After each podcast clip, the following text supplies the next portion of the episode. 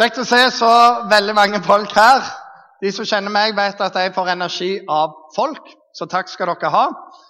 Vi er i gang med en ny høst i Touchpoint. Og i åtte uker framover har vi tenkt å eh, forkynne ut fra apostelens gjerninger. Så hvis du har lyst til å ha en god høstlektyre, så skal du finne en bibel, bla fram til Det nye testamentet, boken som heter Apostelens gjerninger skal du lese der. Det er en sinnssykt bra bok.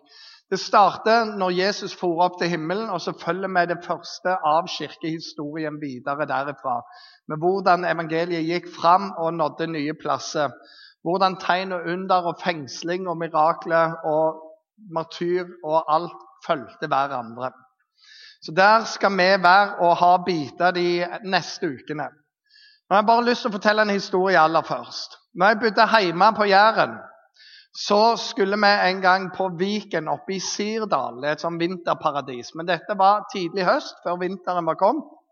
Og Jeg satt på med Reid Nygaard, en god kamerat. Han hadde investert sine penger i en vanvittig flott BMW, breie feller og skikkelig sånne City Slicker-dekk, sånn at det skulle bare ikke lage lyd.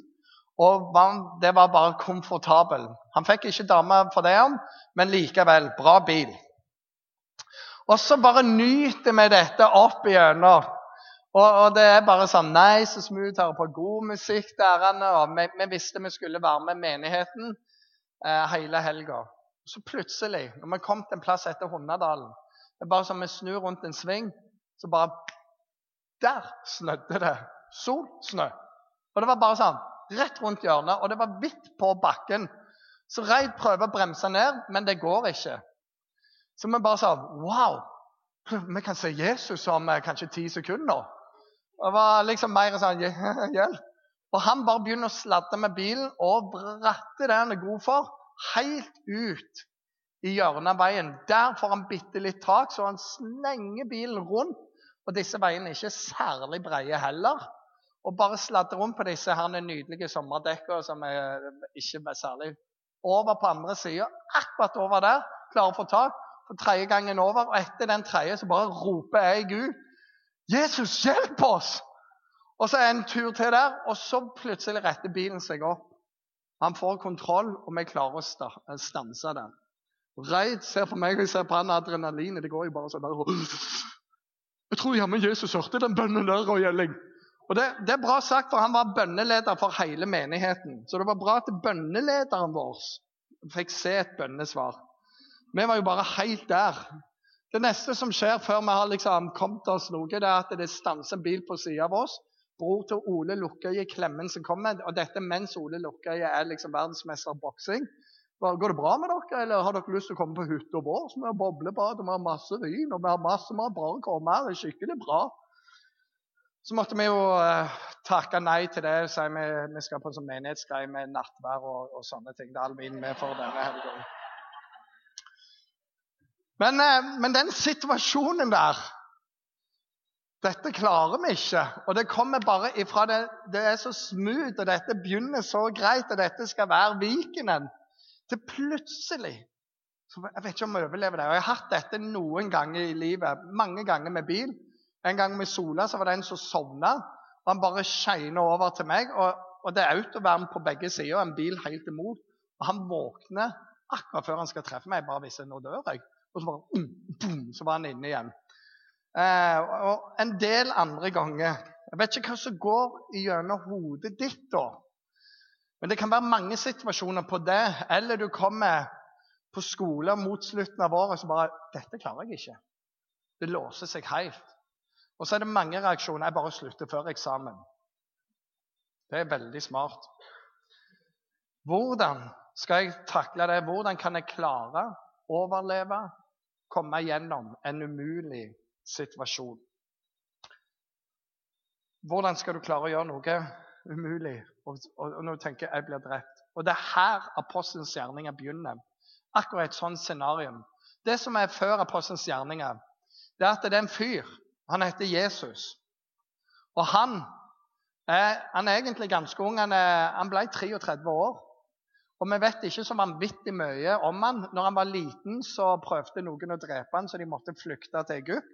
Så kom han tilbake, så vet vi noe om når han var tolv år og var i tempelet. Og så sa han veldig masse rart, og egentlig sånn som eh, noen kunne ta som gudsbespottelse. Men så må være i min fars hus. Og så vet vi mye fra han er 30 til 33 år. Og noe av dette her, utenom den lille turen til Egypt, så reiste han aldri lenger enn 14-15 mil fra sitt fødested. Det var alt han gjorde i hele livet sitt. 14-15 mil. Han var veldig godt kjent i området. Han reiste med beina sine eller på et esel. Det var liksom sånn han reiste rundt. Jeg vet ikke hvordan du reiser. Jeg reiser ganske annerledes. Og når han som har reist så lite, og han har en litt sånn rar venneflokk, tolv stykk Den ene han solgte hele Jesusen for 30 sølvpenger. Han andre han lurte på egentlig hvem Jesus var hele tida. Han tredje han var klar for at Jesus han kunne bli en sånn revolusjonist og han kunne stikke ned hvem han ville av romere. Han fjerde han var en hissigpropp. Og han femte var også en hissigpropp. og De to kaltes for Tordensønnene, for de krangla hele tida. De snakket først og tenkte etterpå. Og så hadde du noen som krevde inn skatt, og det var veldig upopulært. For de visste at skatten egentlig var ti kroner, så tok de tolv kroner, så stappet de to kroner ned i lommen hele tida på seg sjøl. Det var en av vennene til Jesus. Det var liksom vennene hans. Sånne folk. Og fiskere som lukter dagen lang, vet du. Og alltid sammen. Ikke veldig mange akademikere i den gjengen. Så sier han til denne rare gjengen, han som utenom Egypt-turen bare har vært en 14-15 mil Jeg har en plan. Dere skal ta det ut til hele verdens ender. Det er en bra plan. og det, liksom, det, står når de prøvde å drepe Jesus, for han ble forsøkt drept minst tre ganger. Eh, og, og, så klarte de til slutt å ta han, og så sier de til disse vennene, som også kalles for disipler og røpe deg, du er en av vennene hans. De var rimelig lokale, disse her òg. Jeg ser liksom for meg en gjeng på tolv stykker fra Bryne Sant? Og det, det, nærmeste det har reist, hvis du tenker 14-15 mil, det er opp til Haugesund og så ned til Moi. Vi tar hele verden. Hva er en god idé, eller? Så det er bare sånn Jeg er ikke med Jesus. Og jo, dialekt, hva du mener. Så jeg vet ikke hvor det kommer fra, men det, det er liksom ikke det lange. Og så vet de i tillegg at eh, de som eh, mente noe, de hata Jesus. Alle de religiøse lederne de prøvde å drepe han hele tida. Og Jesus hadde sagt til vennene sine, eh, bare så dere vet det Hvis noen hater meg, så kommer de til å hate dere. Ah, good to know. en annen ting, Hvis de prøver å drepe meg, og det gjorde de jo litt ofte, så kommer de til å prøve å drepe dere òg. Ah, enda bedre å vite. Nå er vi kjempemotiverte. Men hvis de følger meg, hvis de holder fast med mitt ord, hvis de elsker meg, så kommer de til å elske dere òg. Uh, ja, ok, da er jo alt bra. Og så, og, så, gikk det sånn. Og vi vil, vil se etter hvert at 11, nei, 10 av de 12 ble drept som martyrer. Nummer 11 hengte seg sjøl, og nummer 12 han fikk lov å leve et liv han ble gammel. Rimelig heavy gjeng. Men hva er det med denne fyren, og hvordan kommer du i gang med det som Det er helt umulig. Vi skal spre ordet om ham, om Guds kjærlighet, om at Gud har invadert jorda, om at det er Gud som bøyer seg ned til oss. Det er ikke vi som gjør masse bra, men det er han som har gjort alt ferdig, og alt han sier 'kom og følg meg'. Hvordan skal vi det, få det til? Det er helt umulig. Det går bare ikke. Vel, Nesten umulig. Fordi han sa òg 'Jeg skal være med dere hver dag'. Og så sier han òg 'Jeg skal gi min ånd til alle som tror'. Og de bare sånn 'Du snakker om nå, Jesus. Nå, nå begynner det virkelig.' Når jeg reiser herifra, så skal jeg sende noen. Han skal være hos alle som tror. Han skal hjelpe dere. Og så ga han noen nøkler til. Og Det vi skal følge i disse åtte gangene, det er noe av det som skjer. Og det er noen heftige prekener inni her. Jeg bare sier det. Og I dag så skal vi begynne med begynnelsen. Hvordan komme i gang når du har et sånt oppdrag. Dette går bare ikke. Dette er umulig. Vi leser fra første Apostelens gjerninger, kapittel 1, fra vers 5, 4 eh, og til 13. Og så hopper jeg bare og summert det litt opp der det står litt mer men du får essensen her. En dag når Jesus spiste sammen med vennene sine, så sa han dette til dem. Dere skal ikke forlate Jerusalem, Men dere skal vente på det som min far i himmelen har lovt dere, det som dere har hørt av meg. For Johannes han døpte med vann, men om noen dager så skal dere døpes med Den hellige ånd. Og dere skal få kraft når Den hellige ånd kommer over dere. Og dere skal være mine vitner i Jerusalem, i Judea, i Samaria og like ut til verdens ende. Når han hadde sagt det, så ble han tatt og løfta opp like foran øynene på dem. Og de ser han bare for opp i himmelen. Og mens de står der og ser han blir tatt vekk i en sky, så kommer noen engler ned. Og så bare, ok. Og så sier jeg, 'Hvorfor står dere og ser opp mot himmelen?' Han er tatt bort fra dere. Og han skal komme igjen på samme måte som dere så han fare opp til himmelen nå. Da vendte de tilbake til Jerusalem. Inne i byen gikk de opp på den salen hvor de pleide å holde til, og trofast holdt de sammen i bønn. Det er teksten i dag. De hadde en vane, og det var å gå til et spesielt sted, og der ba de. Og Det står, hvis du leser en av de andre tekstene i Bibelen, at de låste dørene. For de var livredd for at folk skulle ta dem, fengsle dem og henge dem på et kors, sånn som de hadde gjort eh, med Jesus. Og Jeg vet ikke hva du tenker, men tenk om du hadde sett en engel komme ned foran deg og bare står der og skinner, og du bare merker wow! Og så sier han du, dette her kommer til å bli veldig bra. Du kommer til å få en ånd, og dette her, wow! En skulle jo tro at en gikk ned sånn etterpå. All right, all right. Men de var bare sånn Lås døra, lås døra, vi kommer til å bli drept her. De hadde sett en engel, og likevel så var de redde. Og her er greia, Du kan ha så mange løfter, du kan ha så mange gode ting som skjer i livet ditt. Det kan være så mange trygge ting. Og likevel så er det noe som gjør deg utrygg, noe som gjør deg ufattelig usikker. Samtidig som dette så var det noe som var enda større enn redselen. Og det var de trodde at bønn hjalp. De bare trodde det, for de hadde hørt Jesus så mye, og Jesus hadde lært dem å be, og de hadde lest Skriftene fra før av. Bønn er ikke det siste vi skal ty til når alt håpet er ute. Når vi har gjort alt og så ja, vi får prøve en bønn, da. Bønn er vårt fremste våpen. Skal du få en haug med bibelting Matteus 7, 7 og 8, der står det sånn Be, og så skal du få. Og På grunnteksten står det 'be', og fortsett å be helt til du får. Mas på Gud, for den som ber, han får. Dette sier Jesus. Og det er amerikaneren Jeg har vært nettopp der på ferie, så det kommer noen sånne ord inni her. No ask, no get. Og Jeg husker en gang jeg hadde vært eh, i England. Jeg var bibelskolelærer, hadde en hel gjeng med oss. Det gikk noe galt på veien hjem, for bussjåføren bare tok oss til Grimstad klokka halv to på natta. Dette var i februar, det var snø ute. Og så, ja, 'Hva skjer nå? Vi skal til Kristiansand.' 'Jeg har fått beskjed om Grimstad.' 'Ja, hva skjer?' Ja, det kommer en ny buss, og så kjører han. Og tenkte, For et dusteselskap. Halv to på natta skal komme en ny buss til Grimstad. Og det kom ingen buss. Og der sto vi og var trøtte og fæle der. og og så er det jo noen som er på taxistasjonen, som vi fikk ringt opp og kjefta de huden fulle og all seg sånn. Og så er det noen av disse søte bibelskolejentene på 18 år, blå øyne og blondt hår, som står sånn til taxisjåførene. Tror du vi kan komme inn og varme oss litt grann hos dere, da? Og vet du, er du mann, så sier du Vær så god. Og Samtidig så var det noen som var ute forbi der, og de var så sinte. Hvorfor må de være der inne når vi må være her ute? Så var det en som sa De spurte. Bare spør du òg, så går det nok bra. Og hvem slipper inn en sånn? Kan jeg òg komme inn? Eh, nei, du må være ute. Og her er greia. Hvis du ikke spør, så får du ikke. No ask, no get. Be, så skal du få. En annen tekst sier det. Vær ikke bekymra for noe. Som om det er lett. Jeg vet ikke hvordan det er med deg, men jeg, jeg har gaven noen har han mye mer. Min kone hun bekymrer seg alltid for alt, sånn i tilfelle det ikke skjer. Så har hun i hvert fall fått bekymre seg.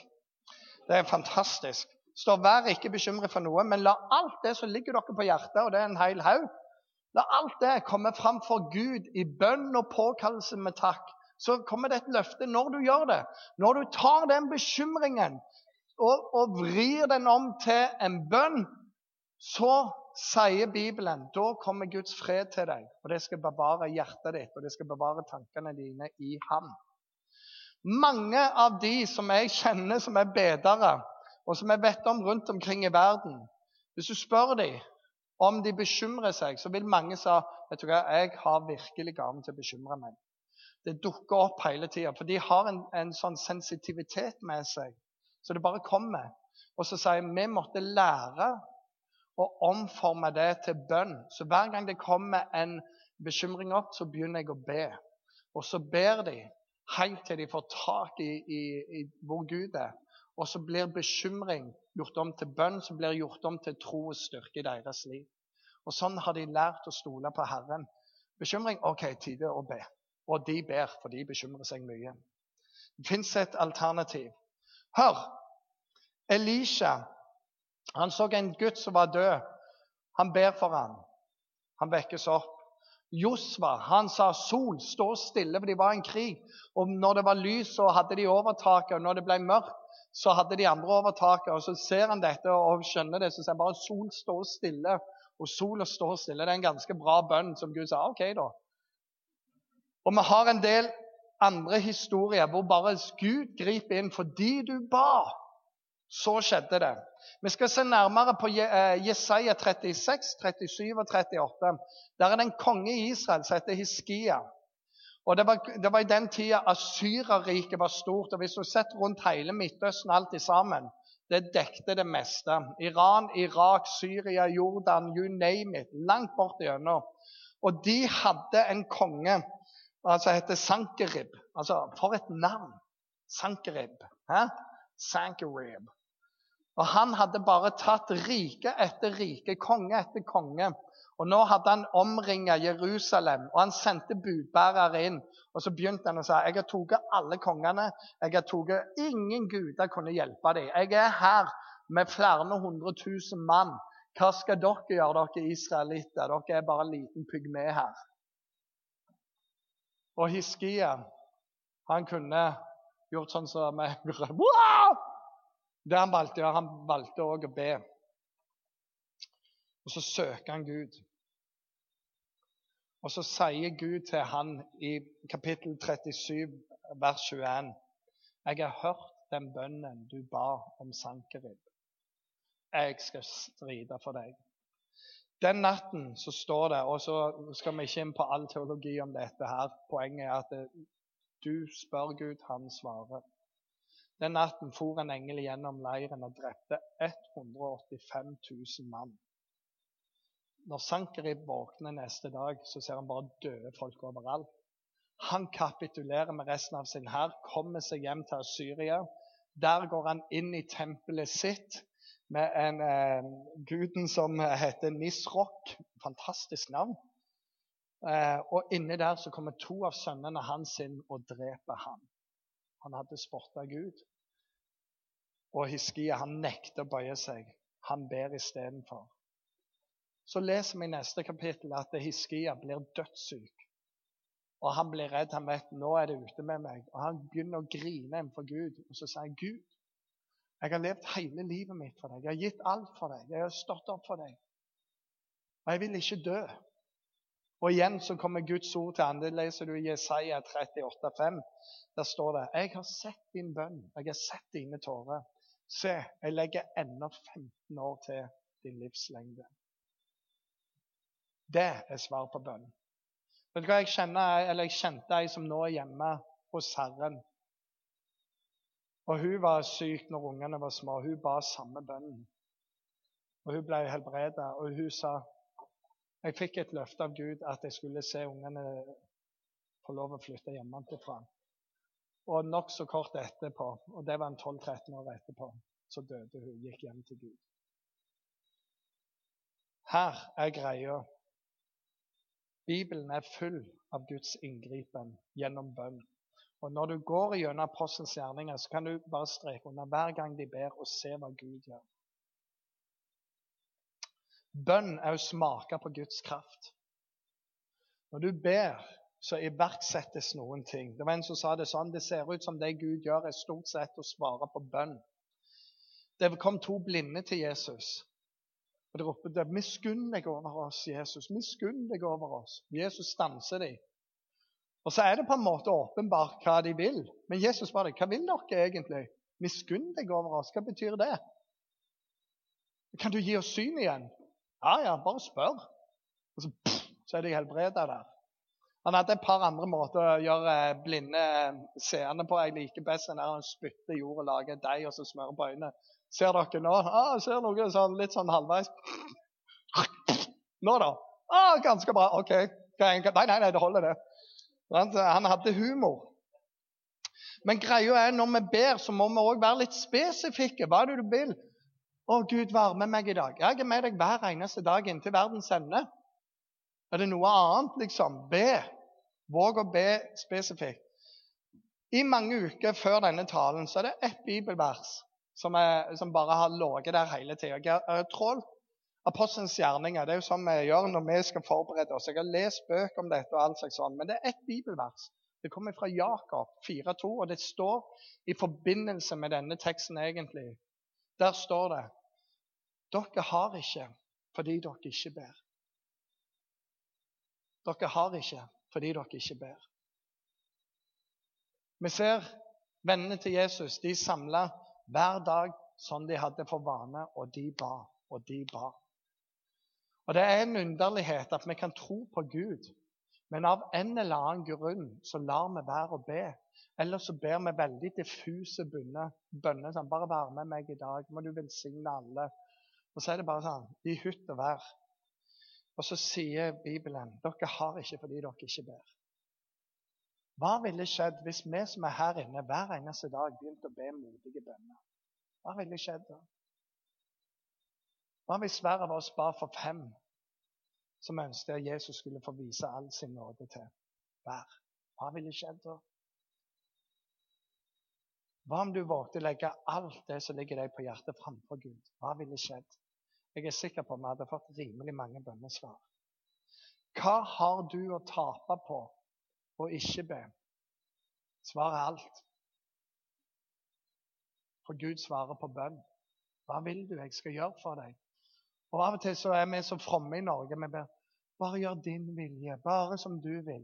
Så bare, ja, hva vil du? Å, bare sånn som du vil. Du vet sånne kjærester. Hva vil du i kveld? Nei, jeg vet ikke. Hva vil du? Nei, jeg vet ikke. Du bestemmer, du. Men bare bestem, du. Nei, bare bestem, du. Sant? Og så er jeg bare sånn Er det mulig? Jeg vil bare være med deg. OK, skal vi gå og se en actionfilm? Nei! Men du sa jo jeg kunne bestemme. Nei, jeg tror heller vi skal gjøre Nei! Bare bestem, du. Og Jesus bare Hva vil du? Søk først Guds rike og hans rettferdighet, står det, så skal dere få alt andre i tillegg. Dine problemer er Guds mulighet til å vise sin kraft.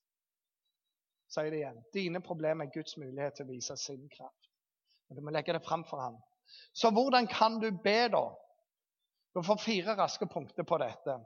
Det første etabler tid og sted. Det betyr ikke at du må være liksom helt inne sånn, men det pleier å hjelpe seg å lage rutiner. Jeg ber i dusjen, og jeg ber i bilen fast. Jeg hører veldig sjelden på radio. Det er når jeg har ungene mine på. Og fått DAB-radio det er helt forferdelig, for det er ganske interessante kanaler tiåringer, 13-åringer, 4-åringer hører på. Men jeg har ofte musikken av, og der ber jeg. Da tenker jeg og snakker med Gud og lytter til Gud. og I det hele tatt. Det er en veldig god plass. Finn en eller annen måte å gjøre det på. Mange har gjort morgenen til sin venn, for da skjer det ingenting. Noen av dere, dere er altfor trøtte, og dere ber til Gud om kvelden om at han skal vekke dere neste dag. og det holder. Men bare på en eller annen måte.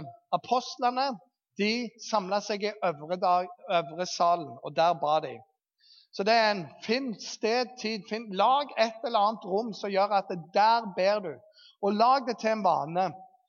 Og, og her er greia hvis du klarer det, så klarer du det. Det er litt sånn som de som alltid må spille et eller annet. De klarer å presse en tid. Hvis du har kjæreste, klarer alltid å en tid der. Hvis du bare må det, hvis du er veldig sportsinteressert, så må du alltid få med deg tabellen. Du må alltid få med deg sportsnyheten. Du må alltid sånn og sånn. Du klarer å få det inn. Så bare få et eller annet mønster på det, for da går det bedre. Nummer to prat med Gud om hva som ligger deg på hjertet. Jeg har en kamerat av meg. Han er, han er oppe i 60-åra. Ole Dagfinn, en sjømannsprest. Han sier dette bønn. Det er lett, det. Det er vanskelig, men det er lett, det. De sier Jesus først og amen til slutt. Og så sier du det du hadde på hjertet i midten. Jesus, amen. Jesus og det du hadde på hjertet, og amen. Er ikke verre enn det, skjønner du. Og så er det faktisk sånn det er. Han er herlig. Si det som ligger deg på hjertet mellom Jesus og amen, så er du godt dekka. Øs ut ditt hjerte, hva enn det måtte være. Det er derfor mange jenter blir veldig gode til å be, for de har så mye. Vet du, Vi gutter når vi gifter oss, vi, vi trenger ikke radio lenger. Nå har dere. Og det er vi er Gud, du ser hele opplegget. Det funker ikke. Kan du fikse det? Jesu navn, amen. Så er vi ferdige. Mens dere jenter, dere kan sånne detaljer. Så vi altså, altså, hver, gang, hver gang det er masse jenter med, og de begynner å be seg Det var lurt. Å, det var veldig smart. og sånn. Den tredje tingen prat med Gud om det som virker umulig for deg. En av mine venner borte i USA, som jeg var nettopp nå, fortalte meg Når han og kona ble sammen, så visste de ikke om mora egentlig var frelst eller ikke. De visste ikke hvor hun sto i noen verdispørsmål. Faren var en drukkenbolt og hadde masse, masse problemer. Og det var problemer ut gjennom slekta. Og de begynte å be, og de ba og de ba. Og han her sjøl ble en pastor til slutt. Og så holder han en tale og snakker om bønn. Og sier hvis dere vil lure på, lure på hvordan det der gikk For det står 'be', og fortsett med å be helt til du får. Og de ba. Så sier han det. Min far er nå leder av et arbeid som handler om folk som har problemer. Han ga sitt liv til Jesus, han ga alkoholen til Jesus, og nå hjelper han mange hundre å gjøre det samme. Det er det som han har fått. Min svigermor hun vet jeg ber for oss akkurat nå. Hun er den største bønnekjempen i mitt liv. Be, så skal du få. Øs det som ligger på hjertet. Og Vi har sett ekteskap bli redda gjennom bønn. Vi har sett økonomi endre seg. Vi har sett mange ting. Og Det er bønn og arbeid som holder i sammen her. Men øs ut for Gud hva som er mulig for deg. For ingenting er umulig for Gud. Og den siste tingen lytt til Gud. Lytt til Gud. Det betyr slå av musikken, ha litt tid til å være stille. Ikke alltid ha på en iPad eller Spotify eller hva enn, men ha litt tid til å være stille. Og Det er mange måter å lytte til Gud. Men mens du ber, så hold litt munn. Bare vær der. Når du leser Bibelen, bare sitt litt og tenk. La Gud få lov å tale til deg. Så det var den ene tingen dere har ikke fordi dere ikke ber. Og så var det en annen ting som ble alvorlig for meg. Dette tar mye kortere tid. Det er at det er synd i livet vårt. Det vil si når vi vet noe er galt egentlig, men vi later som det ikke er galt, eller vi går og begynner å angripe de som sier det er galt, fordi vi nekter å bøye oss under Gud. Vi vil fortsette å leve på noe, eller vi har begynt å leve på noe, og synden er mer fristende enn livet med Gud. Når vi lever bevisst i et sånt et liv, og nekter å legge det under lydigheten til Jesus, da hindres bønnene dine. Igjen er Bibelen full av de historiene.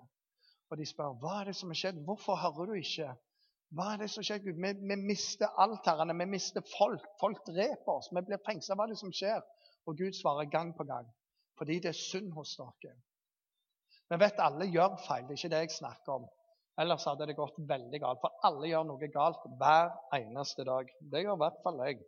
Jeg er gift, jeg har unger, og jeg har mange ting som jeg vil gjøre og ikke gjøre. Og du verden. Det er ikke det vi snakker om, men det er når du bevisst velger ting Når Gud har sagt det der gjør du ikke, så ah, det er ikke så farlig. Når du gjør det der, så hindrer du bønnesvar i ditt liv. Og du hindrer Guds kraft i ditt liv. Det står i Apostelens gjerninger 19 om, om, en vekkelse som kom. Folk ble, kom til tro. Og det står at i den byen så kom de med svartebøker, trolldomsbøker, horoskoper all slags sånn, som var avgudsdyrkelse. Og de kasta det på bålet. Og Det sto det var et svært bål, og de regnet verdien av det. Det var mange hundre tusen kroner. Så bare sånn, Når vi kom til tro på Jesus, vi tar alt dette og kaster det på bålet for han. Og Det var ikke det at det ikke virka, det var bare at nå kjente de en annen gud. Og Det var et voldsomt bål. Og det var en enorm maktdemonstrasjon av Gud der. Så vil du se Guds kraft i livet ditt, så må du gjøre et oppgjør med synden din. Du får ikke begge deler, du må velge mellom dem. Vi snakker om overforbruk. Vi snakker om å drikke litt for mye. Vi snakker om å flørte med andre mens du er i forhold. Og så tenker du på mange forskjellige ting som Du tenker 'jeg har kontroll', men når du holder på, så bare en eller annen gang så er du over kanten der. Du har ikke kontroll. Bad stuff gonna happen. Så er greia oppi det, for av og til kan bare wow. Max Lucado, som er en veldig kjent forfatter, han skriver nydelige bøker. Max Lucado, han forteller dette. Dattera var og spilte piano, var på konsert. Og Det var mange foreldre, mange voksne som var der. Hun stiller seg opp, og det var mange andre som spilte. Kommer godt ute i det vakkert. Plutselig, midt ute i stykket, så bare stanser hun opp. Og hun kom ikke på hva hun skal spille videre. Og så blir det en sånn der pinlig taushet i salen. og alle bare, kom igjen, kom igjen. Og hun leter og finner det ikke i notene, og hodet er bare sånn og, og bare helt der. Og det er så lenge stille at det gjør vondt langt inni hos alle som sitter der. Og til slutt så klarer hun Der!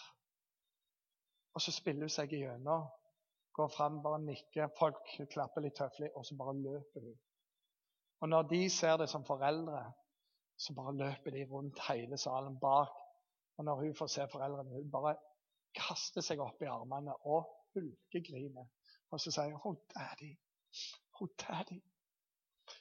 Og så sier Max jeg tror jeg ville gitt månen for henne der og da. Jeg ville gitt alt jeg hadde for henne kunne spurt meg om hva hun ville. Og det ville vært det rette tidspunktet. Jeg syns så synd på henne. Og vet du hva? Hva enn du har gjort av synd, hva enn som gikk i stykker, hva enn du ikke klarte å fullføre Hvis du løper i armene til Gud, så er det sånn han tar imot deg. Han sier 'Jeg vil gi deg morgen'. Av og til så har vi et bilde av Gud. Jeg kan ikke gjøre dette. Det er han du må løpe til. Her er greia. Gud vet alt om deg, og han elsker deg.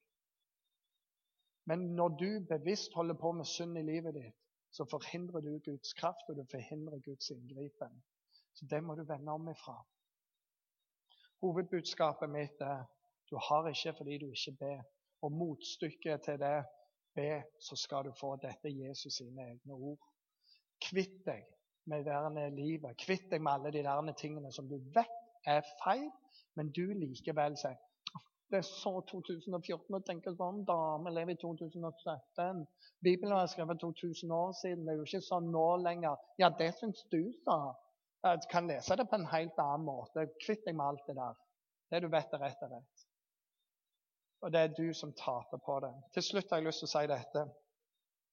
De ba og holdt seg trofaste bønnene. Og En dag så går de opp og han er lik alle de andre. De ber, og ingenting skjer. Og så tenker de hva gjør vi nå? Ja, vi går hjem. Hva gjør vi i morgen? Vi kommer tilbake igjen. Og de kommer opp der igjen og ber. Og det er helt sikkert noen som tenker ja, OK. Kom med ditt rike, skje din vilje. Og så boom! Og Jeg tror ikke det var mange som var der. All right, kom igjen nå! Nå bare ber vi! 40. dagen, ingenting har skjedd til nå! Nå er det bare å stå på videre, folkens! Jeg tror det var veldig få som var der. De fleste var nok sånn Vi ber. Det er bra å be. Og plutselig så står det Den hellige ånd kommer inn i rommet. Og alt snus på hodet. Og de ser tunger like som man vil, bare sånn over bare sånn Wow, kult! Hologram! Nei, ikke hologram. Det er bare sånn.